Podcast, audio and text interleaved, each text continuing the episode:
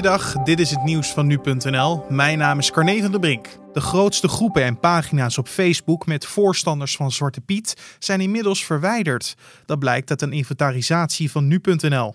Dat gebeurde nadat Facebook enkele weken geleden aankondigde afbeeldingen en video's van Zwarte Piet te verbieden. Facebook verbiedt foto's en video's van Zwarte Piet als onderdeel van een wereldwijde aanpak van blackface. Daarmee bedoelt Facebook dat een persoon duidelijk een zwart of donkerder gesminkt gezicht heeft, in combinatie met stereotyperende elementen zoals oorringen, een afropruik of grote lippen. Niet alle groepen en pagina's met veel likes en leden zijn verwijderd. Zo bestaat de groep PRO Zwarte Piet met 17.000 leden nog wel. De groep is echter privé gemaakt, zodat buitenstaanders de inhoud niet kunnen bekijken. De verdachte van de schietpartij met een dodelijk slachtoffer tijdens de rellen in Portland is donderdag doodgeschoten toen de autoriteiten hem wilden arresteren. Dat meldt de New York Times op basis van bronnen binnen de autoriteiten.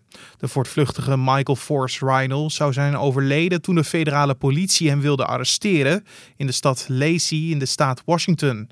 Rhinel zei in een interview met Vice News dat hij tijdens de rellen had geschoten uit zelfverdediging. Bij de schietpartij kwam een 39-jarige man om het leven die vermoedelijk gelieerd is aan een extreemrechtse groepering die president Trump steunt. De verdachte was zelf lid van de antifascistische groep Antifa en actief bij Black Lives Matter demonstraties tegen racisme en politiegeweld in Portland. De toeristische sector is dit jaar enorm gekrompen. De toegevoegde waarde van de sector, dus het verschil tussen de omzet en inkopen, lag in het eerste halfjaar ongeveer 45% lager dan in dezelfde periode vorig jaar. Dat meldt het Centraal Bureau voor de Statistiek. Ook het aantal banen in de sector kromp, maar niet zo hard als de toegevoegde waarde. Door de steunmaatregelen van de overheid konden werknemers doorbetaald worden bij omzetverlies en bleef het aantal ontslagen in de sector beperkt. Desondanks gingen er in de toeristische sector relatief veel banen verloren.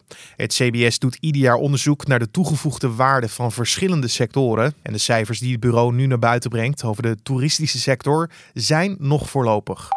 Een man in Groningen is overleden nadat hij in de nacht van donderdag op vrijdag met een steekwond werd aangetroffen op een schoolplein.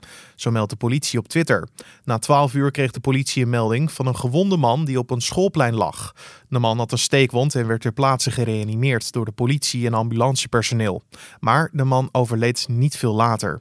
De politie is een onderzoek gestart op de plaats delict. Waarom de man een steekwond had, is nog niet duidelijk. En ook over de identiteit van de man is nog niks bekend. En tot zover de nieuwsupdate van nu.nl.